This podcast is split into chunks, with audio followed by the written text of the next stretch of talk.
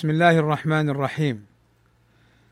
إن الحمد لله نحمده ونستعينه ونستغفره ونعوذ بالله من شرور أنفسنا ومن سيئات أعمالنا.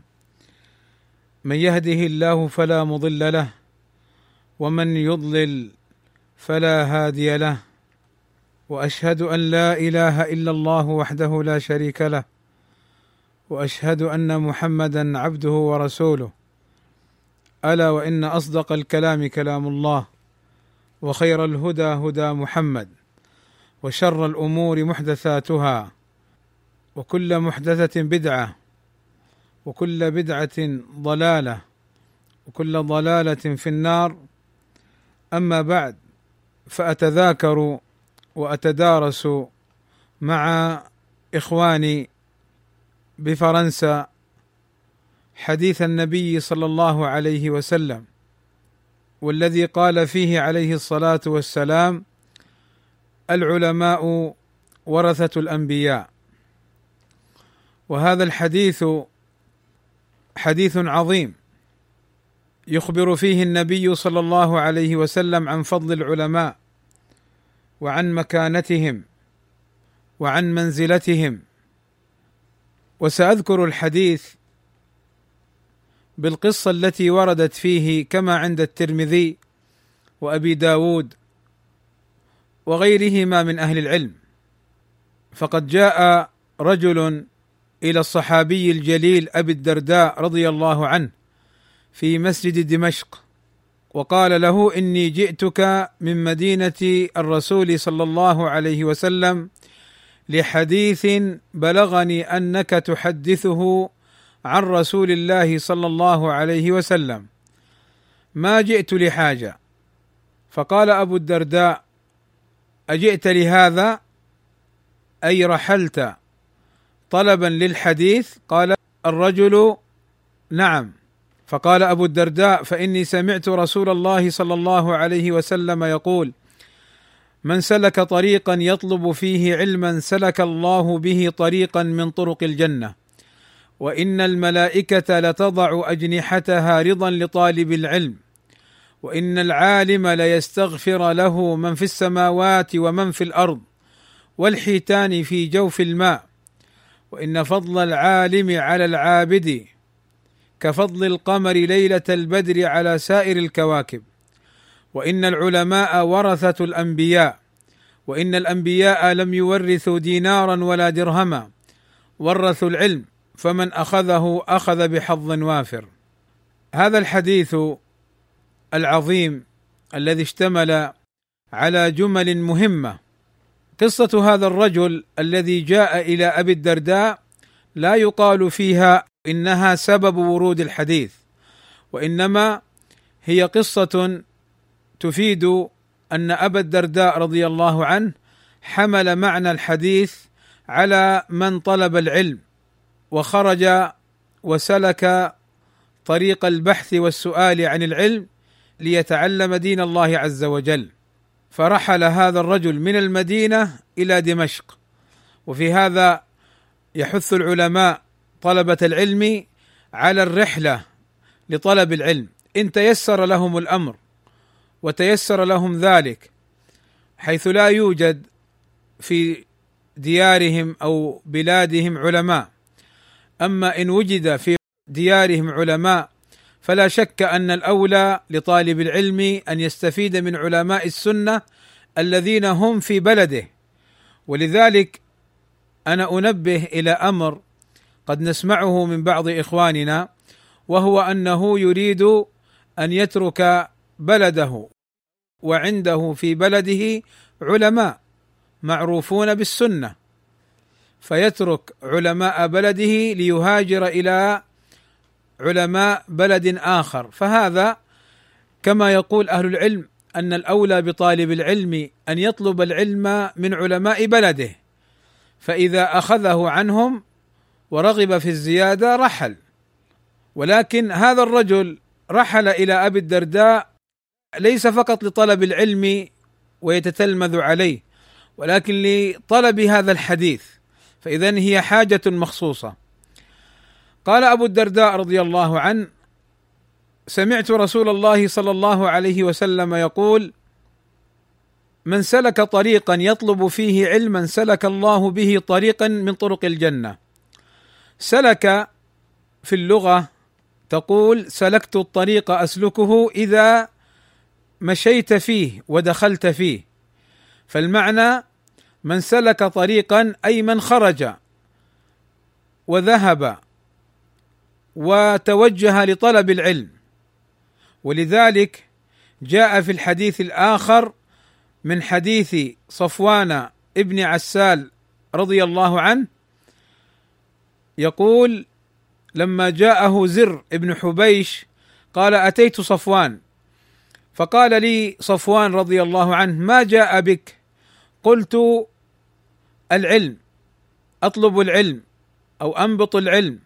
فقال صفوان رضي الله عنه فإني سمعت رسول الله صلى الله عليه وسلم يقول ما من خارج خرج من بيته في طلب العلم إلا وضعت له الملائكة أجنحتها رضا بما يصنع. فهنا ما من خارج أي سلك طريقا يلتمس العلم.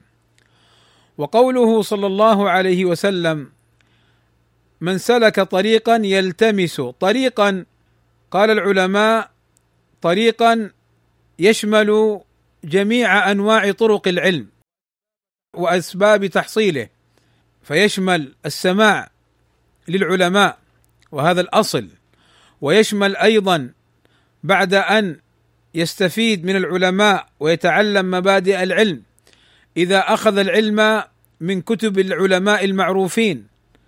وكذا إذا سمع دروسهم ومحاضراتهم عبر التسجيل فإنه يعتبر سالكا لطريق من طرق العلم وليس حصر طرق العلم فقط بالاستفادة من العلماء حتى إننا نسمع من بعض إخواننا أنه لا يطلب العلم لا يتعلم. لماذا؟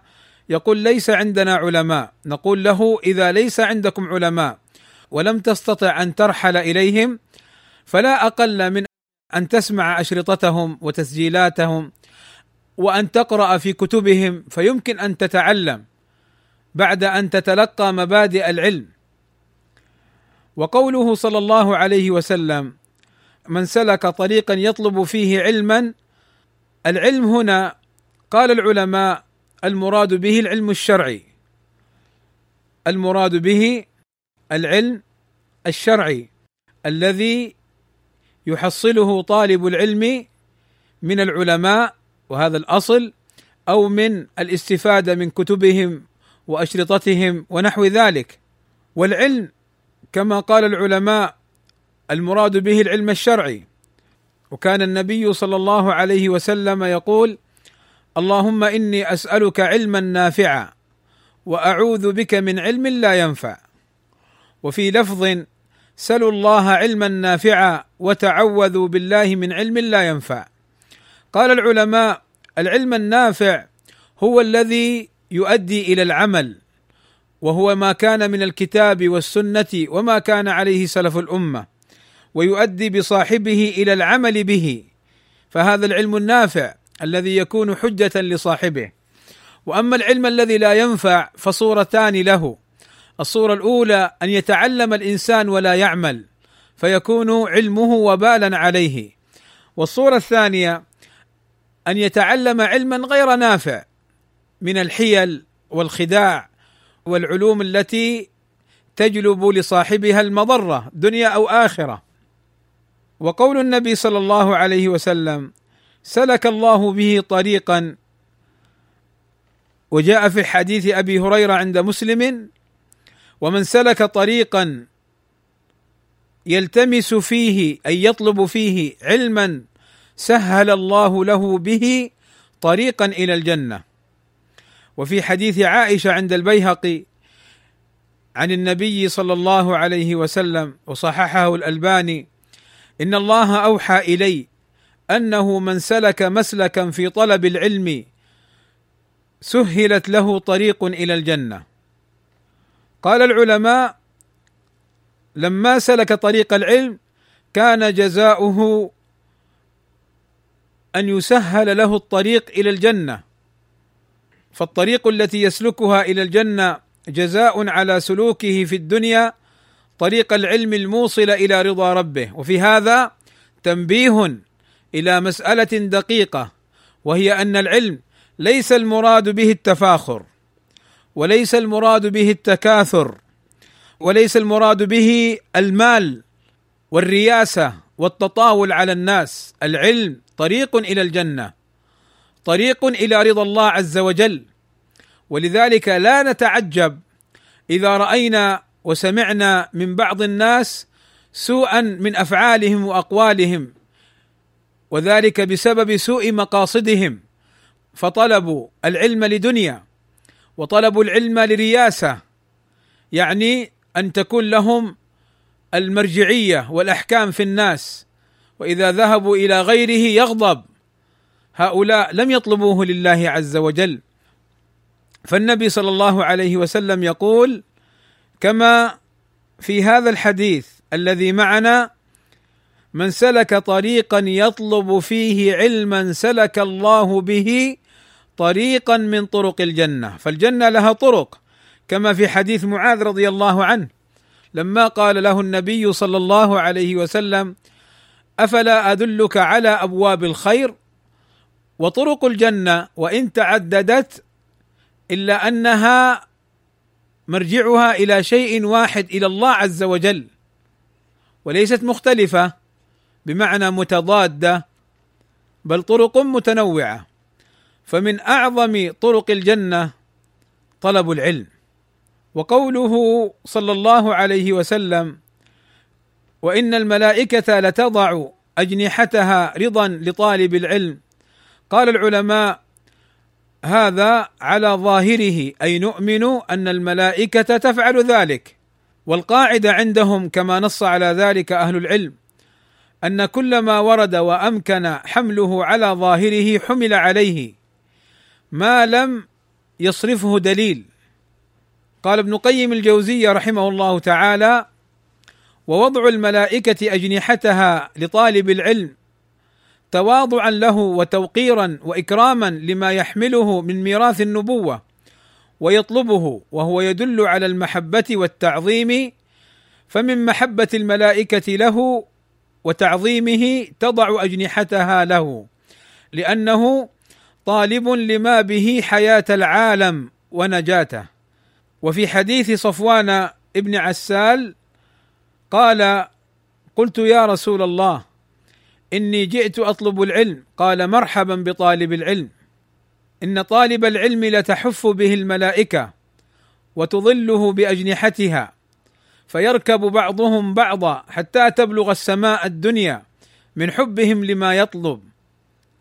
قال ابن القيم ففي هذا الحديث حف الملائكة له بأجنحتها إلى السماء وفي الأول أي حديث أبي الدرداء وضعها أجنحتها له فالوضع تواضع وتوقير وتبجيل والحف بالأجنحة حفظ وحماية وصيانة فتضمن الحديثان تعظيم الملائكة له وحبها إياه وحياطته وحفظه فلو لم يكن لطالب العلم إلا هذا الحظ الجزيل لكفى به شرفا وفضلا. انتهى. وقول النبي صلى الله عليه وسلم وإن العالم لا يستغفر له من في السماوات ومن في الأرض والحيتان في الماء أي أن العالم لما كان سببا في حصول العلم الذي به نجاة النفوس من أنواع المهلكات وكان سعيه مقصورا على هذا وكانت نجاة العباد على يديه جوزي من جنس عمله وجعل من في السماوات والأرض ساعيا في نجاته من أسباب الهلكات باستغفارهم له كما قال أهل العلم. قلت ويدل عليه حديث أبي أمامة عند الترمذي في قول النبي صلى الله عليه وسلم إن الله عز وجل وملائكته وأهل السماوات والأرض حتى النملة في جحرها وحتى الحوت ليصلون على معلم الناس الخير. قال ابن قيم الجوزية والكلام له سابقا والآن قال قيل سبب هذا الاستغفار أن العالم يعلم الخلق مراعاة هذه الحيوانات. ويعرفهم ما يحل منها وما يحرم ويعرفهم كيفية تناولها واستخدامها وركوبها والانتفاع بها إلى آخر كلامه رحمه الله تعالى.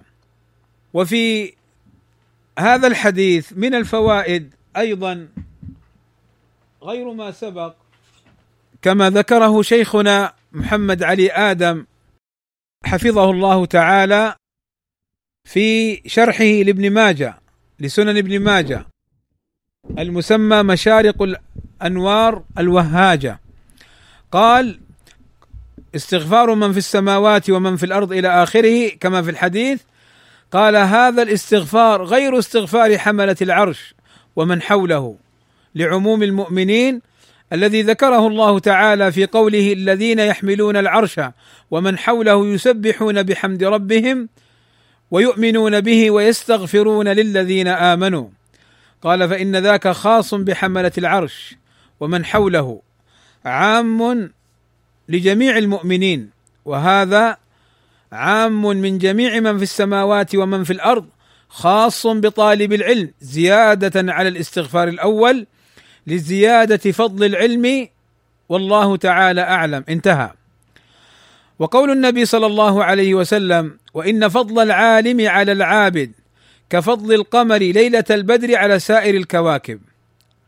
ليلة البدر هي الليلة الرابعة عشر من الشهر ونور القمر في هذه الليلة أكثر من نوره في جميع الشهر بقدر زائد كما ذكر ذلك أهل العلم. وذكروا أن النبي صلى الله عليه وسلم قيده بليلة البدر لكمال إضاءة القمر فيها وانمحاء يعني وخفاء الكواكب في شعاعها. قال ابن قيم الجوزية رحمه الله تعالى في مفتاح دار السعادة وهو كتاب يتكلم عن العلم وطلب العلم كتاب مفيد جدا. قال رحمه الله تعالى تشبيه النبي صلى الله عليه وسلم في هذا الحديث تشبيه مطابق لحال القمر والكواكب فإن القمر يضيء الآفاق ويمتد نوره في أقطار العالم وهذه حال العالم وأما الكوكب فنوره لا يجاوز نفسه أو ما قرب منه وهذه حال العابد الذي يضيء نور عبادته عليه دون غيره وإن جاوز نور عبادته غيره فإنما يجاوزه غير بعيد كما يجاوز ضوء الكوكب له مجاوزة يسيرة. قال وفي التشبيه المذكور لطيفة أخرى وهو أن الجهل كالليل في ظلمته وجنسه والعلماء والعباد بمنزلة القمر والكواكب الطالعة في تلك الظلمة.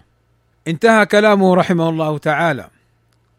وهذا الحديث ينبغي أن يفهم قول النبي صلى الله عليه وسلم في هذا الحديث وإن فضل العالم على العابد كفضل القمر ليلة البدر المراد بالعالم هنا العالم بالكتاب والسنة ومنهج السلف الصالح والعامل بعلمه ليس مجرد العلم لأن العلم والعالم المعتبر عند أهل العلم من اجتمعت فيه صفتان العلم والتقوى.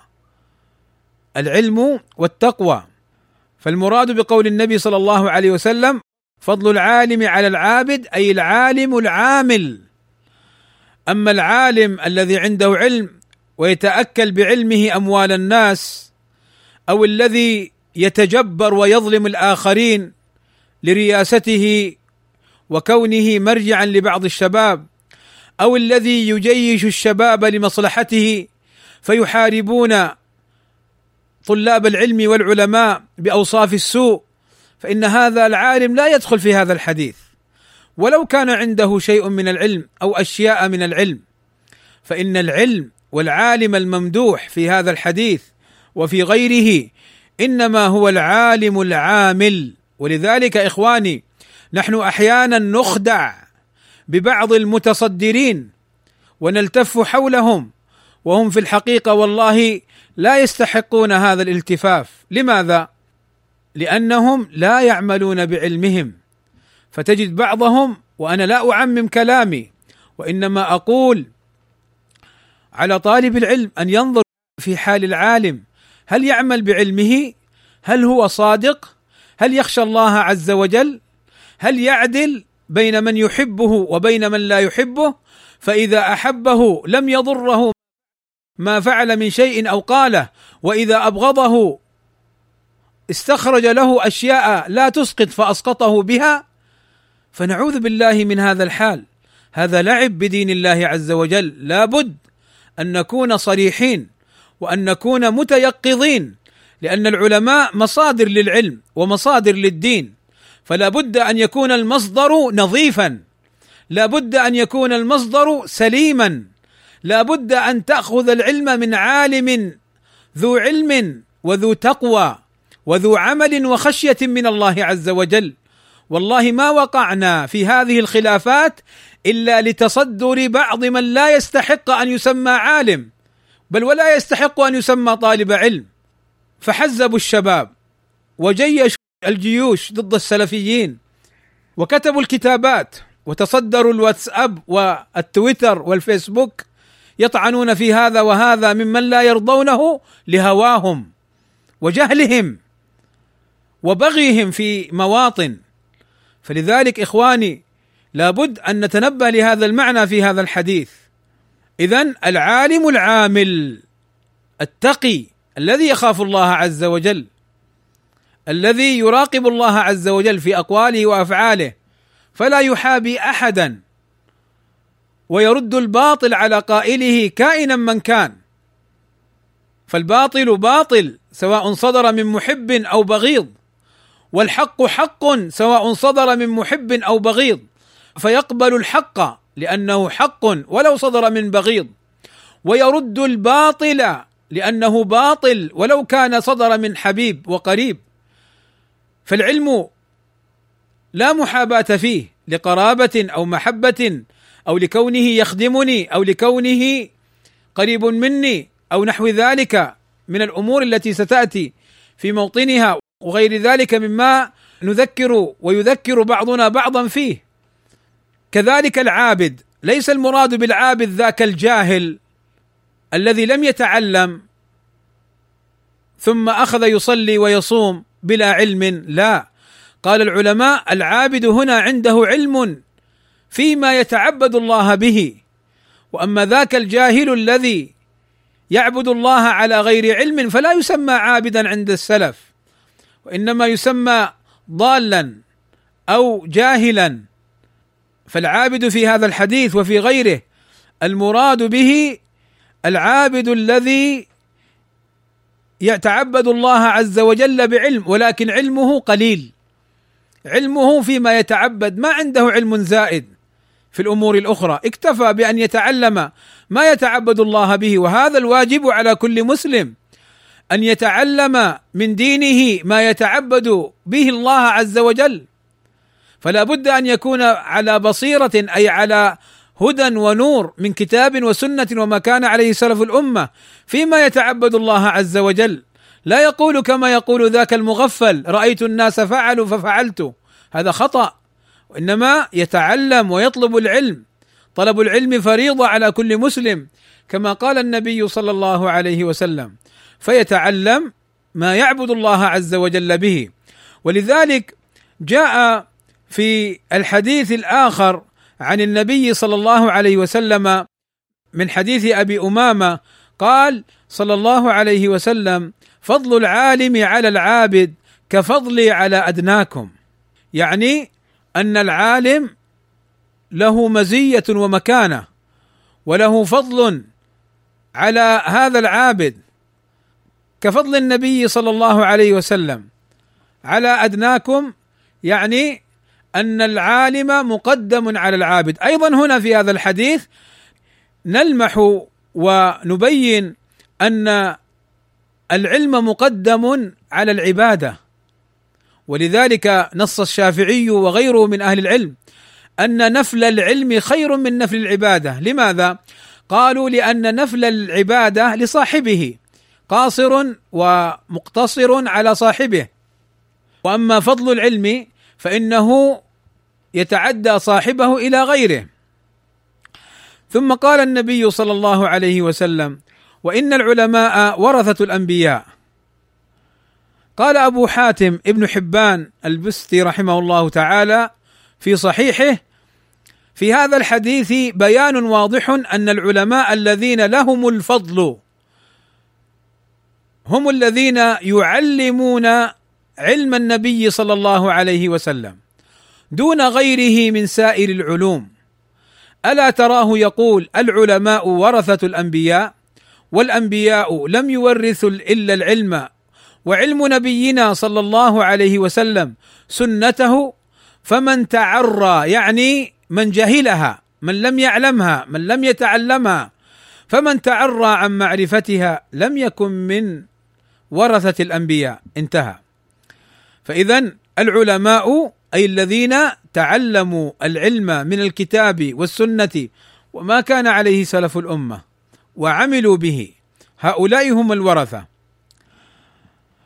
قال الشيخ العثيمين رحمة الله عليه العلماء علماء الشريعة الذين هم ورثة النبي صلى الله عليه وسلم. فإن العلماء ورثة الأنبياء لأن الأنبياء لم يورثوا درهما ولا دينارا. فإن النبي صلى الله عليه وسلم توفي عن بنته فاطمة وعمه العباس ولم يرثوا شيئا لأن الأنبياء لا يورثون إنما ورثوا العلم فالعلم شريعة الله فمن أخذ بالعلم أخذ بحظ وافر من ميراث العلماء. وإذا كان الأنبياء لهم حق التبجيل والتعظيم والتكريم فلمن ورثهم نصيب من ذلك؟ أي العلماء؟ أن يبجل ويعظم ويكرم. وبتوقير العلماء توقر الشريعة لأنهم حاملوها. وبإهانة العلماء تهان الشريعة لأن العلماء إذا ذلوا وسقطوا أمام أعين الناس ذلت الشريعة التي يحملونها. ولم يبقى لهم قيمة عند الناس. وصار كل إنسان يحتقرهم ويزدريهم فتضيع الشريعة. انتهى كلامه رحمه الله تعالى. ومراده بالعلماء العاملين بالعلماء أصحاب السنة السلفيين بالعلماء الذين هم عندهم علم فإن هؤلاء يكرمون ويحترمون ويوقرون لعلمهم. فما أصابوا فيه من حق قبل وما أخطأوا يرد مع احترامهم وتقديرهم للعلم الذي يحملونه وللسنة التي ينشرونها. قال ابن قيم الجوزية عند هذا الحديث هذا من أعظم المناقب لأهل العلم.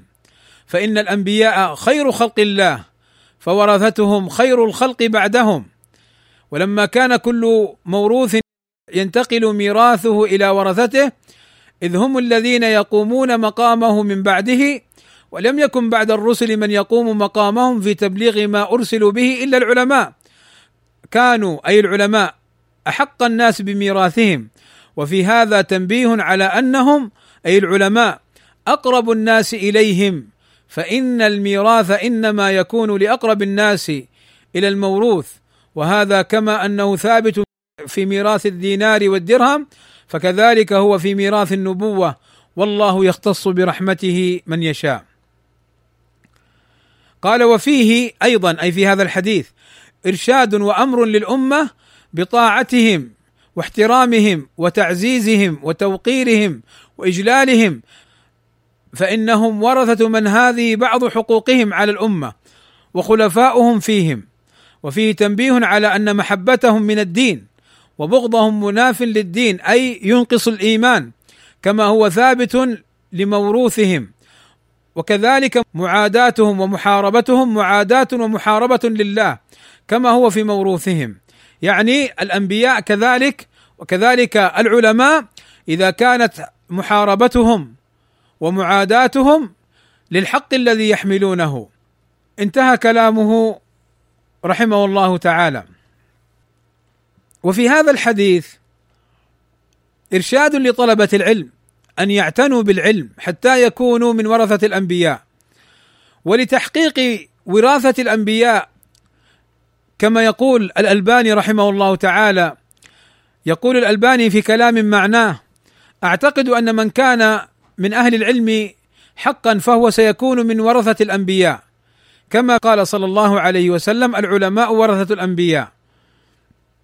ولكن هذه الوراثة لا تتحقق إلا بشيئين اثنين.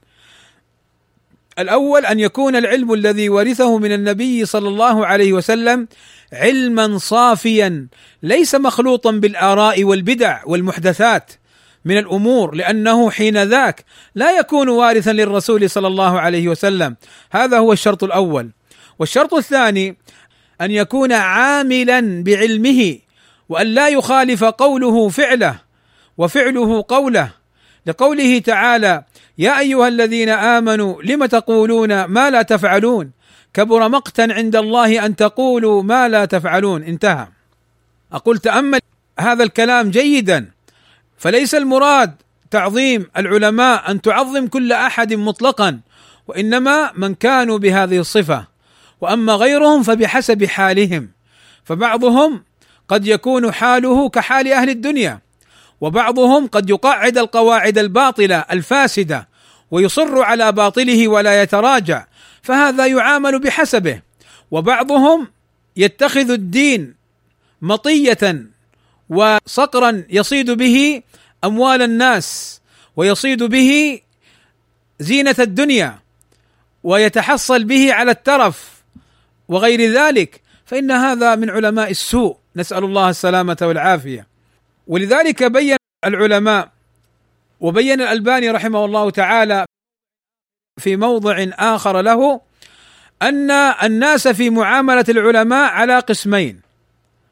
فقال الألباني في كلام معناه قول النبي صلى الله عليه وسلم ليس منا من لم يرحم صغيرنا ويوقر كبيرنا ويعرف لعالمنا حقه قال الناس في مراعاتهم لهذه الجملة الأخيرة أن يعرفوا لعالمنا حقه على طرفي نقيض. فمنهم من يصل بهم مراعاتهم لها أي لحق العلماء وتعرفهم على حق العالم إلى درجة التعظيم غير المشروع في شريعة الإسلام. الله أكبر. تأملوا هذه القضية. وقارنوها بالذين يردون السنة ويردون الحق تعظيما للعالم فهذا من التعظيم غير المشروع. تقول له الحق في كذا والعالم الفلاني نحترمه ونقدره ولكن قوله غير صحيح أنت تطعن في العلماء أنت لا توقر العلماء هذا كله من الغلو في العلماء. هذا كله يدخل في قول الألباني رحمه الله تعالى قال يصل إلى درجة التعظيم غير المشروع في شريعة الإسلامية. قال وعلى العكس من ذلك ناس يعاملون علماءهم معاملة الند للند. والقرن القرن وهذا إخلال الأدب. فينبغي أن يكرم العلماء لإكرام الله إياهم ولكن في حدود الشرع. ومن ذلك ما سمعتم انفا وأهم ذلك كله أن يطاع ولا يعصى. يعني إذا أمر بأمر الله فإنه يطاع العالم. لما تعلمون من قوله عليه الصلاة والسلام العلماء ورثة الأنبياء. فقولهم أن يطاع ولا يعصى لا يعني أن يطاع في اجتهاداته وإنما أن يطاع في ما أمر من كتاب وسنة وما كان عليه سلف الأمة رضوان الله عليهم أجمعين. قال الألباني رحمه الله تعالى وأهم ذلك كله أن يطاع ولا يعصى لما تعلمون من قول عليه الصلاة والسلام العلماء ورثة الأنبياء انتهى كلامه. اذا بين النبي صلى الله عليه وسلم أن العلماء يرثون عن الأنبياء العلم.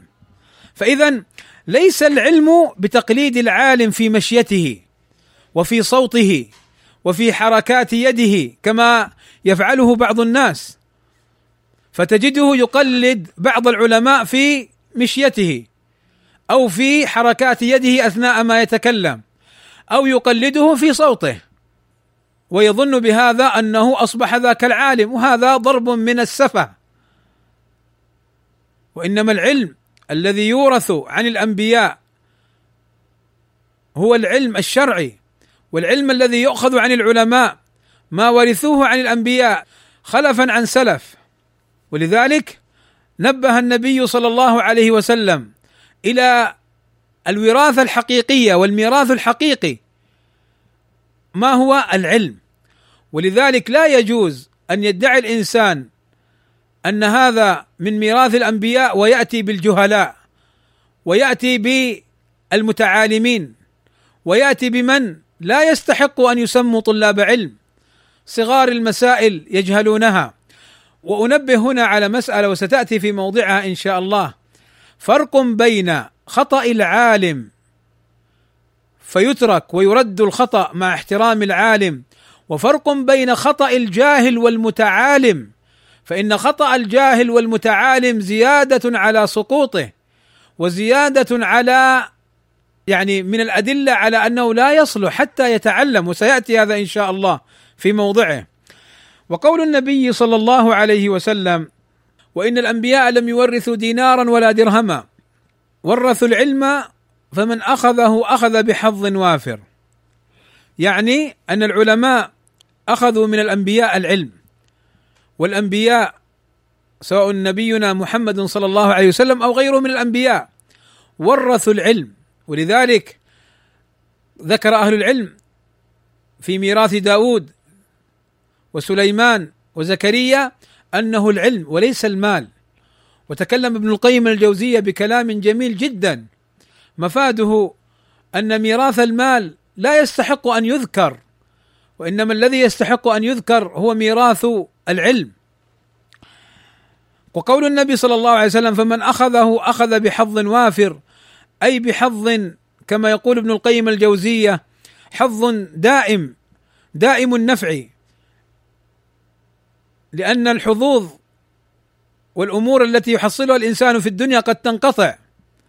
وأما حظ العلم الشرعي إذا كان من أهله واستحق ما يستحق عليه فإنه مما يدوم لصاحبه بإذن الله تعالى. اذا وقفنا بارك الله فيكم وقفات مع هذا الحديث. وهناك وقفات أخرى سأقفها مع هذا الحديث على صورة مسائل أنبه عليها تنبيهات وأسأل الله عز وجل أن يعينني وإياكم على ذلك وأن يجعلنا ممن يستمعون القول فيتبعون أحسنه وأن يجعلنا مخلصين في أقوالنا وأفعالنا. إخواني هذا الحديث العظيم الذي تدارسنا شيئا من فقهه وشيئا من معانيه يتضمن جملا مهمة في العلم والمنهج والدين لا بد من معرفتها ولا بد من استذكارها فمنها أن العلماء يصيبون ويخطئون. أن العلماء يصيبون ويخطئون. لماذا؟ لأن النبي صلى الله عليه وسلم لم يقل أن العلماء أنبياء فالأنبياء معصومون أما العلماء هم ورثة. قد يصيبون وقد يخطئون. ويؤكد هذا المعنى قول النبي صلى الله عليه وسلم إذا اجتهد الحاكم فأصاب فله أجران وإذا اجتهد فأخطأ فله أجر. فدل هذا على أن العالم ليس بنبي. ولذلك لما خطأ ابن تيمية رحمه الله تعالى سيبويه استنكر عليه بعض العلماء وهو أبو حيان أو غيره. فقال له ابن تيمية قولا صار مثلا عند العلماء ومنهجا عند السلفيين بقوله سيبويه ليس بنبي نحو يعني يخطئ هو بشر. ولذلك إخواني من الخطأ في التعامل مع العلماء أن تتعامل معهم أنهم يصيبون في كل شيء. فإذا تكلمت بالحق قالوا لك فلان يقول كذا أنت تخالفه؟ من أنت؟ اتق الله لا تخالف العلماء اتق الله أنت. إذا قلت قولا أو قال غيري قولا مخالفا للدليل من الكتاب والسنة ومنهج السلف الصالح نعم يقال له من أنت حتى تخالف الحق. وأما إذا قلت قولا يخالف قول عالم اجتهادا منه وقولي له ما يدل عليه فلا أعتبر أنني خالفت الحق. فالعالم له رأيه وغيره له رأيه. فينبغي التفريق بين هذين النوعين. قال ابن تيمية رحمه الله تعالى إن تنازع العلماء أنا أحيانا أذكر الكلام بالمعنى وأختصر. يقول ابن تيمية رحمه الله تعالى إن تنازع العلماء في شيء ردوه إلى الله والرسول. إذ الواحد من العلماء ليس بمعصوم على الإطلاق بل كل أحد من الناس أي من العلماء يؤخذ من كلامه ويترك إلا الرسول صلى الله عليه وسلم. انتهى. وقال ابن سحمان في كلام له جميل جدا. أنا أحاول أن أختصره لأنه طويل. قال يعني الذي نعتقده في العلماء من الأئمة الأربعة وغيرهم من أهل السنة والجماعة أنهم اتفقوا في الإخلاص لله عز وجل وفي متابعة الرسول صلى الله عليه وسلم. وأنه يقدم قول الرسول على قول كل أحد كائنا من كان. قال ولا شك أنهم قد اختلفوا في الفروع. وكل يؤخذ من قوله ويترك إلا رسول الله صلى الله عليه وسلم فإنه لا يقول إلا الحق. قال فمن وافق قوله ما في الكتاب والسنة فقوله مقبول على الرأس والعين. انظروا يا إخواني تبجيل الحق وتعظيم السنة. ومن خالف قوله ما في الكتاب والسنة فقوله مردود لأنه خالف. قال وقد كان من المعلوم أنهم أي العلماء قد بذلوا الوسع في الجد والاجتهاد وبذلوا النصح لنفع العباد واجتهدوا في ذلك غاية الاجتهاد. فمن أصاب فله أجران ومن أخطأ فله أجر لأجل اجتهاده وهم معذورون فيما لم تبلغهم فيه سنة عن رسول الله صلى الله عليه وسلم. انتهى. أيضا من فوائد هذا الحديث أن المراد بالعالم من كان عاملا به. قال ابن تيمية رحمه الله تعالى من كان عالما بما أمر الله به وما نهاه الله عنه عاملا بموجب ذلك كان من أولياء سواء كانت لبسته في الظاهر لبسة العلماء أو الفقراء أو الجند أو التجار أو الصناع أو الفلاحين. لكن إن كان مع ذلك متقربا إلى الله بالنوافل كان من المقربين وإن كان مع ذلك داعيا غيره إلى الله هاديا للخلق كان أفضل من غيره من أولياء الله. قال إذا تبين ذلك فمن كان جاهلا بما أمر الله به وما نهاه عنه لم يكن من أولياء الله وإن كان فيه زهادة وعبادة لم يأمر الله بهما ورسوله كالزهد والعبادة التي كانت في الخوارج والرهبان ونحوهم. كما أن من كان عالما بأمر الله ونهيه ولم يكن عاملا بذلك لم يكن من أولياء الله بل قد يكون فاسقا فاجرا. قال وأجمع العلماء وأجمع المسلمون على أن من سب نبيا فقد كفر ومن سب أحدا من الأولياء الذين ليسوا بأنبياء فإنه لا يكفر. يعني للتفريق بين الأنبياء والأولياء. قال إلا إذا كان سبه مخالفا لأصل من أصول الإيمان مثل أن يتخذ ذلك السب دينا وقد علم أنه ليس بدين. إلى آخر كلامه رحمه الله تعالى انتهى. ومن الفوائد من هذا الحديث أن المقلدة والمتعصبة ليسوا من ورثة الرسول صلى الله عليه وسلم. يقول ابن القيم الجوزي رحمه الله تعالى كيف يكون من ورثة الرسول صلى الله عليه وسلم من يجتهد ويكدح في رد ما جاء به الرسول صلى الله عليه وسلم إلى قول مقلده ومتبوعه ويضيع ساعات عمره في التعصب والهوى ولا يشعر بتضييعه. تالله إنها فتنة عمت فأعمت. ورمت القلوب فأصمت. ربى عليها الصغير وهرم فيها الكبير واتخذ لأجلها القرآن مهجورا. وكان ذلك بقضاء الله وقدره في الكتاب مسطورا. إلى آخر كلامه رحمه الله تعالى. فينبغي أن يتنبه أن المقلدة والمتعصبة جهلة وليسوا بعلماء. ولذلك عجبا لبعض الناس يقول أنا لست عالم أنا العالم الفلاني أقلده ثم يأخذ في حرب إخوانه وينكر عليهم ويضللهم. يا أخي إن كنت مقلدا وإن كنت جاهلا وإن كنت عاميا لست بطالب علم ولا تفقه الدليل فلا يجوز لك شرعا أن تتكلم وأن تخطئ غيرك بغير دليل. ما يجوز لك أن تتكلم الواجب أن تسكت. دين الله ليس بلعبة. دين الله إنما يتكلم فيه من علم بحجة. ولذلك ينبغي التنبه لهذا الأمر.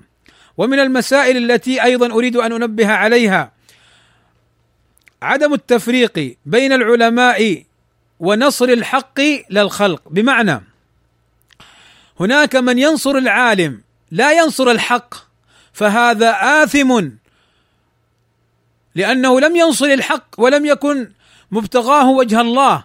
إنما نصرته للعالم لحبه للعالم تعصبا للعالم فهذا آثم. وهناك من ينصر قولا ضعيفا لكن مجتهدا ويظنه الحق من طلبة العلم أو العلماء فهو مأجور اجرا واحدا. يقول ابن سحمان وكلامه جدا مهم. يقول رحمه الله تعالى ابن سحمان يقول هذا الكلام في كتابه كشف غياهب الظلام. يقول وتنبهوا لكلامه علينا أن نتولاهم أي العلماء ونعتقد فيهم ما ينبغي ان أن يعتقد. وتكون محبتنا لمن نحب منهم أي من العلماء تبعا لمحبة رسول الله صلى الله عليه وسلم ومحبة الله. ويكون في ذلك على عدل وعلم. وإذا كان العلماء ورثة الأنبياء وقد أمرنا الله أن لا نفرق بين أحد من رسله فنؤمن ببعض ونكفر ببعض. ونهانا النبي صلى الله عليه وسلم عن التفضيل بين الأنبياء. إذا كان فيه انتقاص لمفضول فعلينا أن لا نفعل في ورثتهم كذلك. أن لا نفضل بعض العلماء على بعض من باب الانتقاص. وأن لا نسقط عالما لأجل عالم. وأن لا ننصر العالم لأجل العالم نفسه. وإنما نفعل ذلك بمعنى محبة العلماء وتقديرهم حبا لله. وحبا لرسوله صلى الله عليه وسلم. قال ابن سحمان أيضا إن الله فرض علينا طاعته وطاعة رسوله والمقصود من العلماء الأئمة أن يدلون على طاعة الله وطاعة رسوله. فلو أطعنا أحدهم فيما قاله لا لأن الله أمر بذلك لم نثب على ذلك بل ربما عوقبنا عليه. يقول ابن سحمان معنى كلامه لو أطعنا عالما فيما قاله هذا العالم لا لأن الله أمر بذلك بل أطعناه لأن العالم نحبه هو ويعني نتعصب له هو. قال لم نثب لم نؤجر على ذلك. قال بل ربما عوقبنا. قال فكم ممن ينصر قولا صحيحا هو آثم بنصره لقصده الفاسدة. وخروجه عن الدليل الشرعي. وكم من ينصر قولا ضعيفا وهو مثاب لقصده الصالح وسلوكه الطريق المرشد لمثله يعني أخطأ مع اجتهاده. انتهى كلامه رحمه الله تعالى. ومن المسائل التي تستفاد من هذا الحديث أن نعلم أن صاحب التوحيد وصاحب العلم أنه يعادى أنه يعادى لأن العلماء ورثة الأنبياء لأن العلماء ورثة الأنبياء. فالله جعل لمن كان منهم عاملا بعلمه مهتديا بقول الله متبعا لسنة رسول الله صلى الله عليه وسلم. جعل له عدوا من الإنس والجن يؤذونه ويشوشون عليه اتباعه ويردون عليه ما قال عن الله ورسوله أقواله. إلى آخر كلامه رحمه الله تعالى. فاذا بارك الله فيكم. لا بد أن نعلم أن العالم إذا كان متبعا للحق فإنه يكون له أعداء. كما قال ورقة بن نوفل للنبي صلى الله عليه وسلم إنه لم يأتي أحد بمثل ما جئت به إلا عودي. إنه لم يأتي أحد بمثل ما جئت به إلا عودي. ولذلك أحيانا تجد العالم صاحب السنة صاحب الحق يعادى يعادى من بعض أهل عصره وبعضهم قد يعاديه من العلماء. قد يعاديه من العلماء. وقد يعاديه من الجهال. وقد ذكر صاحب الكشف المبدي في كلام له قال إن عداوة أهل الجهل للعلماء معروفة لا ينكرها أحد. فلو أقنعوه بالحجج والبراهين النقلية والعقلية لأرضوا بفعلهم ربهم والناس أجمعين. ولكن من أين لهم علم يقاوم به هذا الطود العظيم؟ فلما عجزوا عن مناظرته أمام السلطان إلى آخر كلامه رحمه الله تعالى. وكذا ذكر المعلم رحمه الله تعالى وغيره من أهل العلم كابن قيم الجوزية أن العالم السني قد يعادى ويحارب من بعض علماء عصره لأنه أي هذا صاحب السنة في غربة منهم. أيضا من فوائد هذا الحديث أن العالم ليس له زي لأن العلماء ورثة الأنبياء. ولذلك أن يجعل للعالم زي معين وطقوس معينة هذه من طرق اليهود والنصارى. ولذلك لا ينبغي أن تفعل هذه الأمور ان يكون للعالم طقوس معينة وأمور معينة. يقول الألباني رحمه الله تعالى آه، لا يجوز اتخاذ زي يميز العلماء أو طلاب العلم عن سائر الشعب ولهم برسول الله صلى الله عليه وسلم أسوة حسنة كما نعلم جميعا أن الرجل الغريب أو الأعرابي أو البدوي كان حينما يسمع بالنبي صلى الله عليه وسلم يأتي ويسأل أيكم محمد؟ ذلك لأن محمدا صلى الله عليه وسلم وهو كما نعلم جميعا سيد البشر لم يكن يتميز على أصحابه بزي قط. فإذا كان العلماء ورثة الأنبياء كما جاء في الحديث الصحيح فلا ينبغي أن يكونوا ورثة الأنبياء شكلا وإنما عملا واقتداء. فإذا كان النبي صلى الله عليه وسلم لم يتخذ زيا خاصا لشخصه ولأصحابه فالعلماء الأفاضل فلا ينبغي لمن كان ينشد دائما اتباع النبي صلى الله عليه وسلم والاقتداء بسنته أن يتخذ زيا معينا إلى آخر كلامه رحمه الله تعالى. ومن المسائل أيضا ما مر معنا أن العالم لا يجوز الطعن فيه إذا أخطأ. يقول الشيخ الفوزان حفظه الله تعالى: لا يجوز الطعن في العلماء وتنقصهم حتى ولو حصل من بعضهم خطأ في الاجتهاد. فهذا لا يقتضي تنقصهم لأنهم قد يخطئون. ومع ذلك هم مطالبون للحق. فقال النبي صلى الله عليه وسلم: إذا اجتهد الحاكم فأصاب فله أجران وإذا اجتهد فأخطأ فله أجر واحد قال الفوزان وتنبهوا لهذا القول قال الفوزان وهذا في حق العلماء وليس المتعالمين لأنه لا يحق لهم أي المتعالمين أن يدخلوا فيما لا يحسنون. اذا انتهى كلامه. اذا بارك الله فيكم. هؤلاء الذين يخطئون في مسائل العلم ثم يقولون زله لسان وسبق في اللسان وزلة شيطان وأخطأ وتراجعنا وهم جهال. لا يقال في مثلهم أنهم أخطأوا وتراجعوا فيستمرون في الدروس والتصدر وأنهم لا زالوا علماء. يا إخواني اتقوا الله في دين الله. هؤلاء يلعبون بدين الله بهذه الصورة. يا أخي تعلم. تعلم قبل أن تتكلم. دين الله ليس لعبة. مسائل عظيمة. هذا يعني في دروس منشورة. فكيف بالدروس الخاصة؟ على ماذا يقول للطلاب؟ وماذا يقول للعجم؟ وماذا يقول للصغار؟ الأصول الثلاثة التي تعرفها النساء وتدرسها إذا درسوا عند العلماء يجهلوا معانيها. مسألة الرحمن على العرش استوى المشهورة عند طلاب العلم والتي وقع فيها النزاع بين أهل السنة والبدعة يجهل مفرداتها.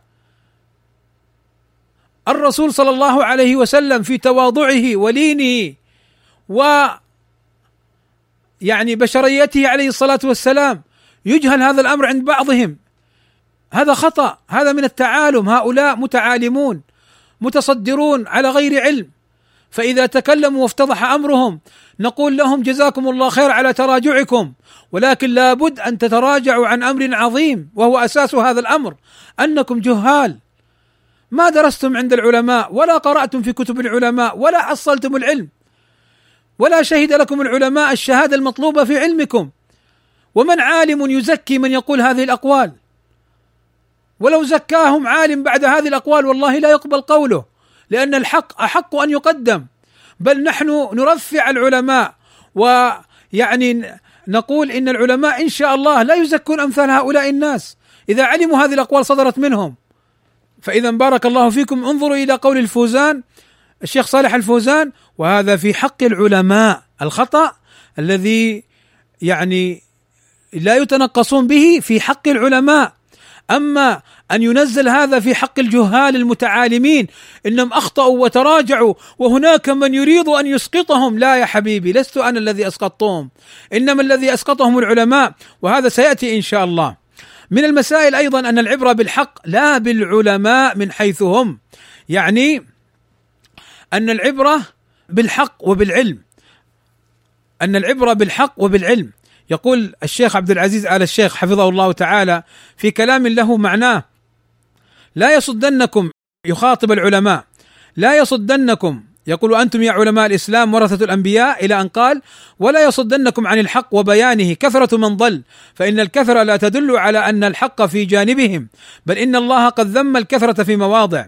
إلى أن قال كما أن القلة لا تعني أن الحق ليس معهم فإن الله قد أثنى على القلة في مواضع. إلى أن قال حفظه الله تعالى فعلم بهذا أن العبرة إنما هي بالحق وإن كنت وحدك كما قاله بعض السلف. وكذلك أيضا يجب على العالم أن لا ينساق لما اعتاده الناس. تجرأوا عليه مما يخالف الشرع بل عليه البلاغ والبيان وإن رفضه الناس. انتهى كلامه حفظه الله تعالى. فاذا بارك الله فيكم العبرة بالعلم. لا بقال فلان وقال فلان. العبرة بالعلم. ولذلك أيضا سيأتينا إن شاء الله في محله أن العبره بالعلم لا بالكبير ولا بالصغير. فإذا قال الكبير قولا باطلا رد وإن قال الصغير قولا حقا قبل. لماذا؟ يا أخي هذا كبير ويعني وهو من العلماء وكبير وكبير. نقول له كبير العلم والحق هو الكبير. والخطأ يرد والعالم يحترم.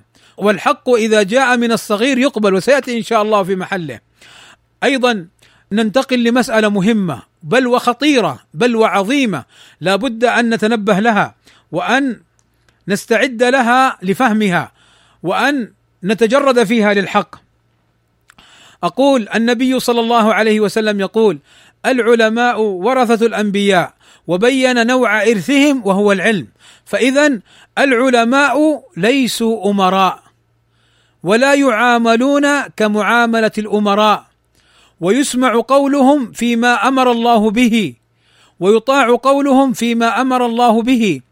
طاعة لله ورسوله لا طاعة للعلماء من حيث هم وأقوال العلماء التي هي من باب الاجتهاد والتي هي ليست على الدليل أو ليست على السنة ولا على قول السلف من اجتهادهم فإنها تحترم ولكن لا يجب اتباعهم فيها ولا يلزم الناس اتباعهم فيها. قال الله عز وجل يا أيها الذين آمنوا أطيعوا الله وأطيعوا الرسول وأولي الأمر منكم. فإن تنازعتم في شيء فردوه إلى الله والرسول. إن كنتم تؤمنون بالله واليوم الآخر ذلك خير وأحسن تأويلا. هذه الآية هذه الآية يستدل بها بعض الناس على أن العلماء أمراء. ومن الأمراء. لماذا؟ يقول لأن قوله تعالى وأولي الأمر منكم جاء تفسيره عن بعض السلف أنهم الأمراء والعلماء. وبناء عليه يقول العلماء أمراء. نقول له هذا خطأ. هذا خطأ في الفهم. لماذا؟ لأن المعنى لأن المعنى أن يطاع ولاة الأمر ويسمع لهم ويطاع طاعة لله ورسوله ويسمع لهم ويطاع في الأمور الاجتهادية في غير معصية الله عز وجل. وأما العلماء فيطاعون فيما أمر الله به ورسوله ويجتنب المرء ما نهى الله عنه ورسوله. وأما الأمور الاجتهادية فلا سمع لهم ولا طاعة على الإيجاب على الوجوب ومن خالفهم لا يلام في هذا الأمر. فاذا هل العلماء أمراء؟ الجواب لا. لا. إنما العلماء إنما العلماء يطاعون طاعة لله ورسوله فيما أمر الله به ورسوله. ويطاعون في ترك الأمور المنهية عنه طاعة لله ورسوله فيما نهى الله ورسوله عنه. قال ابن جرير الطبري رحمه الله تعالى بعد أن ذكر أن بعض أهل العلم فسر بأولي الأمر العلماء وبعضهم فسره بالأمراء وبعضهم فسره بالصحابه فقال رحمه الله تعالى وأولى الأقوال في ذلك بالصواب قول من قال هم الأمراء والولاة لصحة الأخبار عن رسول الله صلى الله عليه وسلم بالأمر بطاعة الأئمة والولاة فيما كان طاعة وللمسلمين مصلحة وللمسلمين مصلحة. إلى أن قال فإذا كان معلوما أنه لا طاعة واجبة لأحد غير الله أو رسوله صلى الله عليه وسلم أو إمام عادل وكان الله قد أمر بقوله أطيعوا الله وأطيعوا الرسول وأولي الأمر منكم بطاعة ذوي أمرنا كان معلوما أن الذين أمر بطاعتهم تعالى ذكره من ذوي أمرنا هم الأئمة. ومن ولاه المسلمون دون غيرهم من الناس. وإن كان فرضا القبول من كل من أمر بترك معصية ودعا إلى طاعة الله وأنه لا طاعة تجب لأحد فيما أمر ونهى فيما لم تقم حجة وجوبه إلا للأئمة أي للحكام والأمراء الذين ألزم الله عباده طاعتهم فيما أمروا به رعيتهم مما هو مصلحة لعامة الرعية فان على من أمروه بذلك طاعتهم. وكذلك في كل ما لم يكن لله معصية. وإذا كان ذلك كذلك كان معلوما بذلك صحة ما اخترنا من التأويل دون غيره. الله أكبر. انتهى كلامه. فابن جرير يقول لنا إن المراد بقوله تعالى بأولي الأمر الأمراء والحكام. فالأمراء والحكام يطاعون طاعة لله ورسوله في الأوامر ويترك ما نهوا عنه طاعة لله ورسوله فيما نهى الله عنه ورسوله. وأيضا الحكام من خصائصهم أنهم إذا أمروا أو نهوا عن أمر في غير معصية الله من الأمور المستحبة أو المباحة أنهم يطاعون في ذلك. طاعة لله ورسوله لأننا أمرنا بطاعة الحكام والأمراء. ثم بين ابن جرير أن العلماء إذا أمروا بأمر الله أمرنا به فإنه يجب طاعتهم طاعة لله ورسوله. وإذا نهوا عن أمر الله ورسوله نهانا عنه فإننا يجب أن ننتهي عنه طاعة لرسوله. ثم بين أن العلماء إذا أمروا فيما سوى ذلك أي فيما سوى الأمر والنهي أنه لا طاعة لهم لأن هذا من خصائص الحكام والأمراء. طيب هناك أدلة تدل على قول آه القول الذي اختاره ابن جرير رحمه الله تعالى. من ذلك قول النبي صلى الله عليه وسلم لا يقص على الناس إلا أمير أو مأمور أو مراء. فهذا الحديث يدل على أنه أمير وهو الحاكم أو مأمور وهو العالم الذي أمره الأمير. فاذا دل على أن أولي الأمر هم الأمراء والحكام. أيضا يدل عليه قصة عمر مع أبي بكر لما قتل القراء وخشي عمر على القرآن أن يضيع. فعمر رضي الله عنه ذهب إلى أبي بكر. قال أبو بكر رضي الله عنه إن عمر أتاني. فقال إن القتل قد استحر يوم اليمامة بقراء القرآن يعني الحفظة. وإني أخشى إن استحر القتل بالقراء بالمواطن فيذهب كثير من القرآن. وإني أرى أن تأمر بجمع القرآن. قلت لعمر يقول أبو بكر قلت لعمر كيف تفعل شيئا لم يفعله رسول الله صلى الله عليه وسلم؟ فقال عمر هذا والله خير. فلم يزل عمر يراجعني. يقول أبو بكر فيه حتى شرح الله صدري. انظروا إلى عمر ما راح جمع القرآن إنما رجع إلى أبي بكر وهو الخليفة. وعمر عمر في العلم والديانة والإمامة في العلم. ومع ذلك عمر رجع إلى أبي بكر، أبو بكر ما رضي في البداية، فما قال له عمر لا أنا أخشى على القرآن سأجمع وإن لم ترضى، لا بل لا زال يراجعه. حتى شرح الله صدر أبي بكر لذلك. فدلت هذه القصة على أن العلماء ليسوا بأمراء. أيضا مما يدل على أن العلماء ليسوا بأمراء قول النبي صلى الله عليه وسلم إذا بويع لخليفتين فاقتلوا الآخر منهما فالعالم إذا كان أمير مع الأمير كيف هذا؟ إنما يكون الأمير واحد والثاني لا يحق له ولذلك بارك الله فيكم من الخطأ الشنيع في هذا الباب ما يحصل من قول بعض السلفيين وقد سمعنا ورأينا للأسف الشديد من يقول هذا القول. وانظروا إلى قول النبي صلى الله عليه وسلم من أراد أن ينصح لذي سلطان فلا يبدي علانية ولكن يأخذ بيده فيخلو به فإن قبل منه فذاك وإلا كان قد أدى الذي عليه. هذا الحديث يفيد أن العالم ونحوه من طلاب العلم إذا أراد أن ينصح الحاكم فلا ينكر عليه علانية ولكن يخلو به وينصحه. فإن قبل الحاكم وإلا كان قد أدى الذي عليه فهل هذا يدل إلا على أن العالم ليس بأمير؟ لأنه لو كان أمير للزم الحاكم أن يسمع كلامه. كيف والنبي يقول وإلا كان قد أدى الذي عليه؟ يعني خلاص ما أنت ملزم أن يسمع كلامك. فلو كان العالم اميرا للزم الحاكم أن يسمع كلام العالم.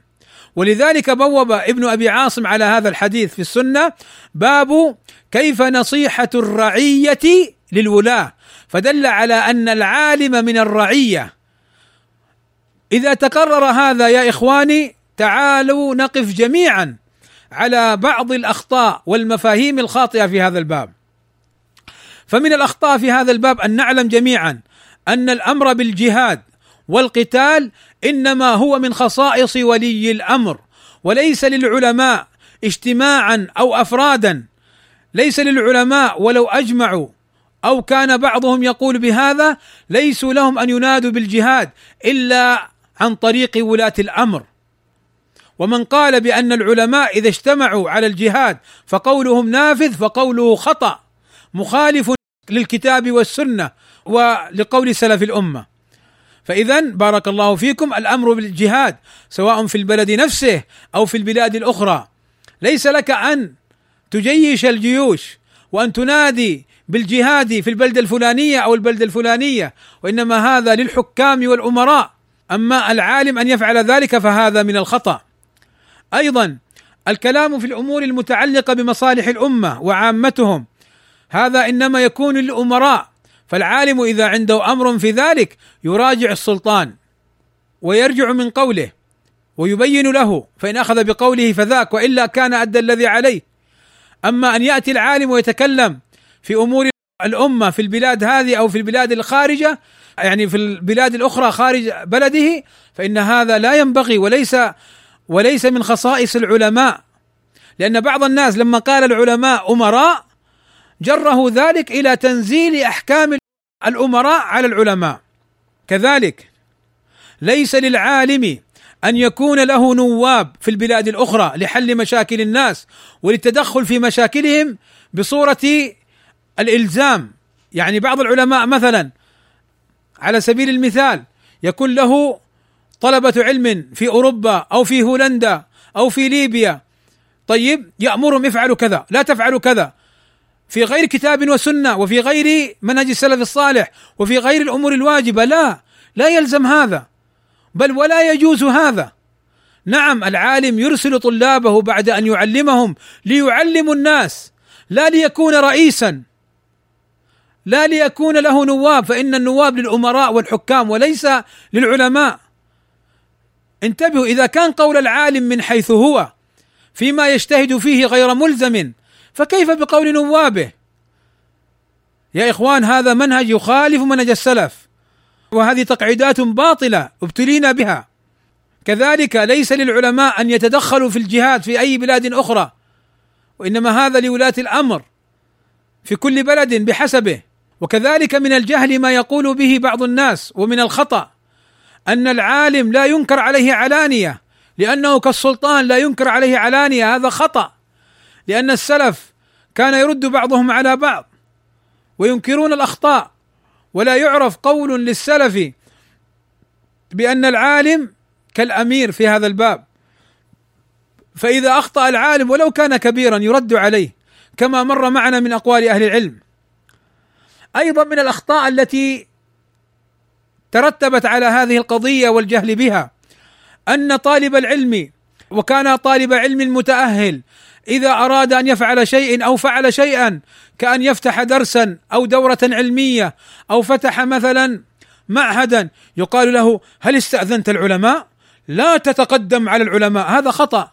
ليس هذا من باب التقدم على العلماء. ما هذه التقعيدات الباطلة؟ هذا منهج خطأ. نعم لا مانع من استشارة العلماء لا على سبيل الإيجاب ولا على سبيل اللزوم. ولا على سبيل أنك إذا لم تستشرهم أنك قد خالفت الحق وأنك قد تقدمت على العلماء إيش هذا؟ ما هذه التقعيدات المخالفة للكتاب والسنة؟ لا لا يلزم هذا الذي يلزمني أنا كطالب علم أو مدرس أن آخذ إذن ولي الأمر أستأذنه في فتح الدرس أستأذنه في إقامة دورة هذا هو الواجب أما العالم الفلاني فعلى العين والرأس احتراما لكن لا يلزمني أن آخذ رأيه. ولذلك عجبا أن ينساق بعض العلماء في هذا الباب. فإذا أقام بعضهم دورة دون أخذ إذنه قد يحاربه ويقول لا تحضروا له. ليه؟ من أنت؟ من أنت؟ أنت حاكم ولا ملك؟ أنت أمير؟ أنت عالم فاعلم قدرك في هذا الباب. لا تتجاوز قدرك يا أيها العالم في هذا الباب. للأسف انساق بعض العلماء في هذا الجانب مع احترامنا لهم ولكن فعلهم خطأ. فالخطأ يرد. ولذلك بعض بعض إخواننا السلفيين يقعون في هذا المزلق. شوفوا من العجب إذا أراد أن يسافر يقال له إذا أردت أن تسافر فاستأذن العالم. أنت ما استأذنت أباك ولا أمك. أنت ما استأذنت ولي أمرك. تروح تستأذن العالم على سبيل الإيجاب فإذا سافرت ولم تستأذن العالم. تعتبر قد خالفت. فإذا أقمت دورة في بعض البلاد تعتبر أنك تقدمت على العلماء إيش هذا؟ هذا خطأ يا إخواني. العلماء ورثة الأنبياء وليسوا بأنبياء وليسوا بأمراء وليسوا بحكام. فلا تنزلوهم هذه المنزلة. هذا خطأ. واسألوا من شئتم. هذا خطأ. إخواني بارك الله فيكم. من الأمور أيضا التي أريد أن أنبه عليها. أن النبي صلى الله عليه وسلم في هذا الحديث يقول العلماء ورثة الأنبياء. فإذا الذي يؤخذ منهم العلم هم العلماء. سواء كانوا علماء يعني كبار أو كانوا طلاب علم متأهلين مشايخ. سواء يعني كانوا صغارا أو كبارا ما دام عندهم علم. سواء تلقوا من العلماء أو تلقوا شيء من العلماء ثم تأصلوا ودرسوا وقرأوا الكتب واستمعوا للعلماء وأصبحوا بمقدرتهم أن يتكلموا بعلم ولا يتكلمون إلا فيما يعلمون. يقول أبو عمرو بن العلاء خذ الخير من أهله ودع الشر لأهله. عجب لبعض الناس. يأخذ العلم من المتعالمين ومن المفلسين. وذكر بعض أهل العلم من آداب العلماء والمتعلمين أن لا ينتصب للدرس إذا لم يكن أهلا له ولا يذكر الدرس من علم لا يعرفه فإن ذلك لعبا في الدين وازدراء بين الناس. قال صلى الله عليه وسلم المتشبع بما لم يعطى كلابس ثوبي زور. فبين هذا العالم رحمه الله تعالى أنه لا ينتصب للدرس إذا لم يكن أهلا له جاهلا أو متعالما. ولا يحضر عنده من علم أنه لم يتعلم. ولذلك لا يؤخذ العلم من الجهال. قال القائل تصدر للتدريس كل مهوس جهول يسمى بالفقيه المدرس فحق لأهل العلم أن يتمثلوا. ببيت قديم شاع في كل مجلس. لقد هزلت حتى بدا من هزالها كلاها وحتى سامها كل مفلس. يعني الشاه التي ضعيفة الجسم ومن ضعف جسمها تظهر كليتها لأنها هزيلة غير مرغوب فيها. فحتى الفقير يقول بكم هذه؟ فتصدر للتدريس حتى الجهال الذين لا يعلمون العلم. فالجهال لا يؤخذ منهم العلم. ألم يقل النبي صلى الله عليه وسلم إن الله لا يقبض العلم انتزاعا ينتزعه من الناس ولكن يقبض العلم بقبض العلماء حتى إذا لم يترك عالما اتخذ الناس رؤوسا جهالا فسئلوا فأفتوا بغير علم فضلوا وأضلوا. فهذا الحديث بارك الله فيكم يفيدنا أن المراد بالجاهل كل من تكلم في دين الله بلا علم ولو كان يحسن العبارة ولو كان خطيبا مفوها. إذا كان غير عالم فإنه يدخل في الجاهل. وأيضا يدخل في الجاهل كما ذكر أهل العلم. من كثر خطأه على صوابه. قال ابن عبد البر روى مالك بن أنس عن سعيد بن المسيب. بلغه عنه أنه كان يقول ليس من عالم ولا شريف ولا ذي فضل إلا وفيه عيب. ولكن من كان فضله أكثر من نقصه ذهب نقصه لفضله كما أنه من غلب عليه نقصانه ذهب فضله. وقال غيره لا يسلم العالم من الخطأ فمن أخطأ قليلا وأصاب كثيرا فهو عالم ومن أصاب قليلا وأخطأ كثيرا فهو جاهل. قال مالك من سعادة المرء أن يوفق للصواب والخير ومن شقوة المرء أن لا يزال يخطئ. قال ابن عبد البر في هذا دليل أن المخطئ عنده وإن اجتهد فليس بمرضي الحال والله أعلم. فإذا بارك الله فيكم. علينا علينا أن نأخذ العلم من العلماء وأن نحذر من تصدر الجهال الذين أصبحوا يظنون أنفسهم أنهم علماء. فإن كون الإنسان يكون من جلساء العالم أو من خدامه أو أن يكون الإنسان من ذوي قرب العالم أو أن يكون الإنسان يزكى وإن كان حاله ليس كذلك فإنه لا يقبل. يقول الإمام مالك لا يؤخذ العلم إلا عمن يعرف ما يقول لقد تركت جماعة من أهل المدينة ما أخذت عنهم من العلم شيئا وإنهم لممن يؤخذ عنهم العلم وكانوا اصنافا فمنهم من كان كذابا فمنهم من كان كذابا في غير علمه. تركته لكذبه ومنهم من كان جاهلا بما عنده فلم يكن عندي موضعا للأخذ عنه لجهله ومنهم من كان يدين برأي سوء. إلى غير ذلك من كلام أهل العلم في هذا الباب وإنما ذكرت شيئا يسيرا. ومن أراد الاستزاده في هذا فليراجع كتب أهل العلم في بيان طلب العلم. وانظروا بارك الله فيكم إلى قول ابن رجب رحمه الله تعالى في كلام له طويل أختصره حين قال ويا لله العجب لو ادعى رجل معرفة صناعه صناعة من صنائع الدنيا ولم يعرفه الناس بها ولا شاهدوا عنده آلاتها لكذبوه في دعواه ولم يأمنوه على أموالهم ولم يمكنوه أن يعمل فيها ما يدعيه من تلك الصناعة. فكيف بمن يدعي معرفة أمر الرسول صلى الله عليه وسلم؟ وما شوهد قط يكتب علم الرسول ولا يجالس أهله. المجالسة هنا بمعنى يطلب العلم ولا يدارسه. فلله العجب. كيف يقبل أهل العقل دعواه ويحكمونه في أديانهم يفسدها بدعواه الكاذبة؟ انتهى كلامه رحمه الله تعالى. إخواني بارك الله فيكم. ومن الأمور التي أحب أن أنبه عليها وأختم بها كلامي ما يتعلق بالأصاغر والأكابر فصاحب الحق كبير ولو كان صغير السن. ولذلك إخواني من الأخطاء التي يقع فيها بعض إخواننا أنهم قد يردون الحق لأن المتكلم به صغير وقد يقبلون الباطل لأن المتكلم به كبير فهذا لا شك أنه من الخطأ. قال إبراهيم الحربي رحمه الله تعالى لا يزالون بخير ما أتاهم العلم من قبل كبرائهم فقال إبراهيم الحربي معلقا على هذا الأثر قال معناه أن الصغير إذا أخذ بقول رسول الله والصحابة والتابعين فهو كبير والشيخ الكبير إن أخذ بقول أبي حنيفة وترك السنن فهو صغير.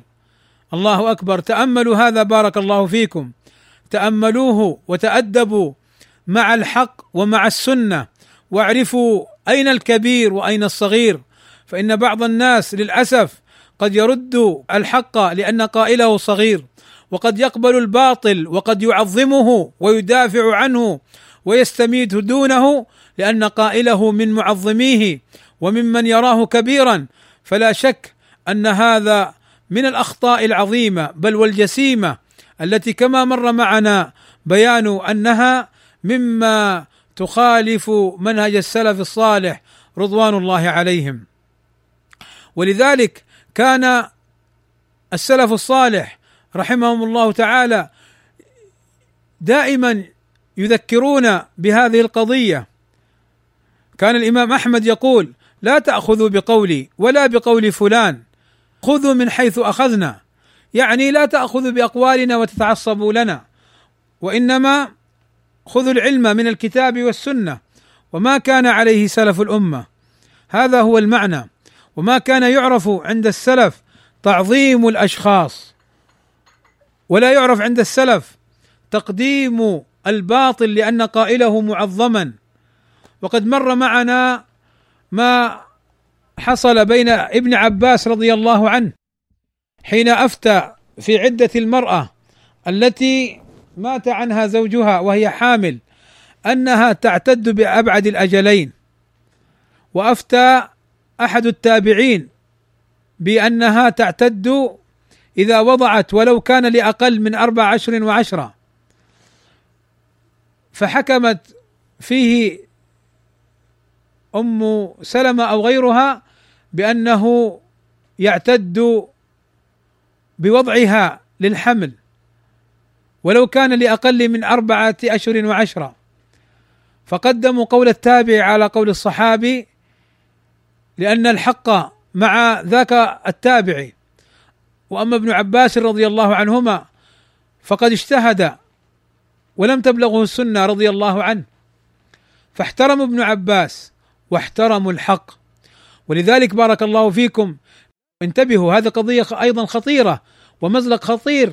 يعني آه، نجده ونسمعه من بعض الناس أن طالب العلم إذا رد على العالم قوله بالدليل يقولون فلان يطعن في العلماء الأكابر. لا يا أخي ما هذا؟ العلماء الأكابر المفترض يفرحون إذا رد الباطل الذي وقعوا فيه لأنهم غير معصومين. فما عندنا تعليق الحق بالأشخاص. ابن باز ابن عثيمين الألباني الشيخ عبد العزيز آل الشيخ الشيخ الفوزان الشيخ ربيع وغيرهم من أهل العلم. وإن اختلفت مراتبهم في العلم. كل يصيب فيؤخذ ما أصابوا فيه من الحق وكل معرض للخطأ فيترك الخطأ مع احترام من أخطأ ورد الخطأ على من أخطأ منهم لا يعني الطعن فيه. بل كما ذكر ابن القيم وابن رجب وغيرهما أن العلماء كانوا يفرحون إذا رد خطأهم حتى لا تلحقهم التبعة في ذلك. فلذلك بارك الله فيكم أحذركم وأحذر نفسي من التعصب الذميم لبعض أهل العلم إما ترد السنة لأنه لا يقول بها شيخك المعظم وإما أن تطعن في إخوانك السلفيين وفي طلاب العلم وفي العلماء الآخرين لأنهم خالفوا شيخك المعظم في قلبك وعقلك وإما أن تتحايل على الحق وتصور رد الباطل وإقامة الحق في صوره في صورة مشوهة. فلا شك بارك الله فيكم أن هذا كله مخالف مخالف لمنهج السلف الصالح. فلا تعظم فلانا ولا فلانا. الشيخ ربيع كان ينهى وفي كتبه وفي أشرطته ينهى طلابه عن التعصب له ويقول أنا أصيب وقد أخطئ فما أخطأت فلا تقبلوا قولي فيه. كما أن بيان أقدار العلماء وأن فلانا أعلم من فلان لا على سبيل التنقص وإنما على سبيل بيان منازلهم ودرجاتهم لا يدخل في تنقصهم. انتبهوا لهذا. لأن بعض العلماء قد يكون عنده علم قليل جدا قد تكون عنده مخالفات. فهل يوصف بأوصاف الإمامة ويوصف بأوصاف عالية؟ هذا حرام وهذا تضليل للناس. نعم شيخ فاضل له جهوده عنده كذا وأخطأ في كذا وكذا وكذا وكذا. بالدليل لا على طريقة الحدادية فلان عنده أخطاء. طيب ما هي راجع العلماء. طيب ما رحنا للعلماء؟ عندك أخطاء. تب إلى الله. طيب أتوب من ماذا؟ تب إلى الله. طيب تبت إلى الله مما عملت ومما لم أعمل وتبت إلى الله مما علمت ومما لم أعلم فأنا تائب إلى الله. لم تقبل توبتك. بعد. حتى يقبل توبتك فلان وفلان. لا شك أن هذا مسلك ومنهج مخالف للسلف الصالح. إذا قلت أخطأ فلان من الناس إذا قلت مثلا أخطأ الشيخ الفلاني قال في كتابه كذا وكذا وهذا خطأ وصوابه كذا. أخطأ الشيخ الفلاني قال في شريطه كذا وكذا وكذا وهذا خطأ وصوابه كذا. مع احترامنا له هكذا تكون الطريقة. أما فلان عنده أخطاء ولا تذكر الأخطاء هذه وتكون في غيابة الجب وربما دفنت مع المهدي المنتظر تبع الرافضة ولا تعرف إلى أن يموت. القائل والمقول فيه لا تعرف هذه الأخطاء تب فقط من الأخطاء. طب ما هي الأخطاء؟ لا شك أن هذا مسلك سوء. إذا قلت لفلان تب من الأخطاء فبينها له. الواجب عليك أن تبينها له. روح عند العلماء يبينونها لك. رحنا عند فلان وفلان وبعضهم حتى الذين يقولون اذهب إليه والله لا يسمى عالم بل قد ذهب إليه من إخواننا طلاب العلم من هو أعلم منه. وهذا من سوء الأدب وعدم معرفة أقدار العلماء. يذهب إليه طب أنا إيش عندي يا فلان؟ يقول عندك خطأ. طب إيش الخطأ؟ يقول خطأك كذا وكذا. طب هذا مو خطأ هذا اجتهاد. لا يخالف دليل من الكتاب ولا السنة ولا كذا. أو بعضهم يقول يعني من أخطائك أنك ترد أخطاء العلماء. هذا من أخطائه ولا من مناقبه؟ من أخطائك أنك تظهر يعني مسائل علمية ويعني تتكلم فيها قد لا يتكلم فيها العلماء مثلك. طيب الله فتح عليه ومن عليه بعلم أفاد إخوانه. ما المانع من ذلك؟ نعوذ بالله من محاربة الحق. نعوذ بالله من نصرة الباطل. يا إخواني المسألة دين. المسألة دين العلم دين. فلينظر أحدنا ممن يأخذ دينه. والله لا ينفعك فلان ولا فلان. أنا أقولها صريحة. الباطل يرد على قائله كائنا من كان. والحق يقبل من قائله. والباطل يرد مع احترامنا لقائله من أهل السنة. والحق من أهل السنة يقبل. ومن غيرهم إن تبين أنه حق. ما هذا؟ حذروا من فلان حذروا من دورته حذروا من كذا كل من تحت لتحت وسرية. ما هذا؟ ما يجوز لك. وليس أيضا هذا ليس من خصائصك. أنت ترد الباطل وتبين أن هذا باطل. وأما أن تحذر منه لأنه يخالف اجتهاداتك وما تحب وما تهوى وما تريد وما كذا. لا لا شك أنه خطأ. أيضا من الأمور التي تذكرتها الآن أن العلم لا يعلق بالشهادات ولا بالمناصب. فالدكتور أو الماجستير أو الجامعي أو الخطيب أو منسق الدورات أو زوج بنت الشيخ أو قريب الشيخ أو خادم الشيخ لا يعلق به العلم. إنما العلم هو الذي يورث عن الأنبياء. ويؤخذ من ورثة الأنبياء من قال الله قال رسوله قال الصحابة رضوان الله عليهم.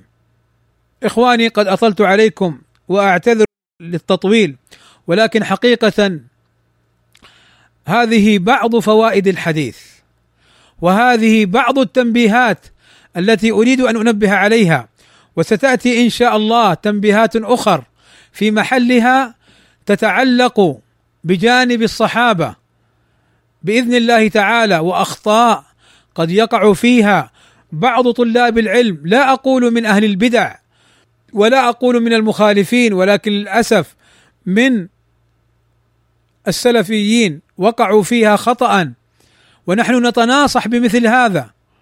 والله الذي لا إله إلا هو تعلمت من مشايخي وتعلمت من منهج السلف الصالح ورأيت مشايخي ورأيت السلف الصالح في كتبهم أن الواحد منهم إذا قيل له أخطأ يفرح بذلك ويتراجع وإذا علم ما كان يجهل فرح بذلك بخلاف من يقيم العداوات وينصب الخلافات ويجيش الشباب ضد من يبين الحق فلا شك أن مسلكه خطير. ولقد علمني إمام الجرح والتعديل وعلمني العلماء وتعلمت من السلف الصالح أن العالم يصيب ويخطئ. فإن أصاب قبل قوله وإن أخطأ رد قوله مع احترامنا لهذا العالم وردنا لقوله ليس من الطعن فيه. أسأل الله عز وجل أن يجعلني وإياكم ممن يستمع القول فيتبع أحسنه وأسأله سبحانه وتعالى أن يرزقنا جميعا الإخلاص في القول والعمل. واساله سبحانه وتعالى أن يحفظنا من الفتن ما ظهر منها وما بطن. واساله سبحانه وتعالى أن يجعلنا من أهل السنة العالمين بها العاملين بها الداعين إليها الذابين عنها المتمسكين بها الميتين على سنة وعلى توحيد ونور وهداية من الله. اللهم آمين. وصلى الله وسلم على نبينا محمد وعلى آله وصحبه أجمعين. والحمد لله رب العالمين.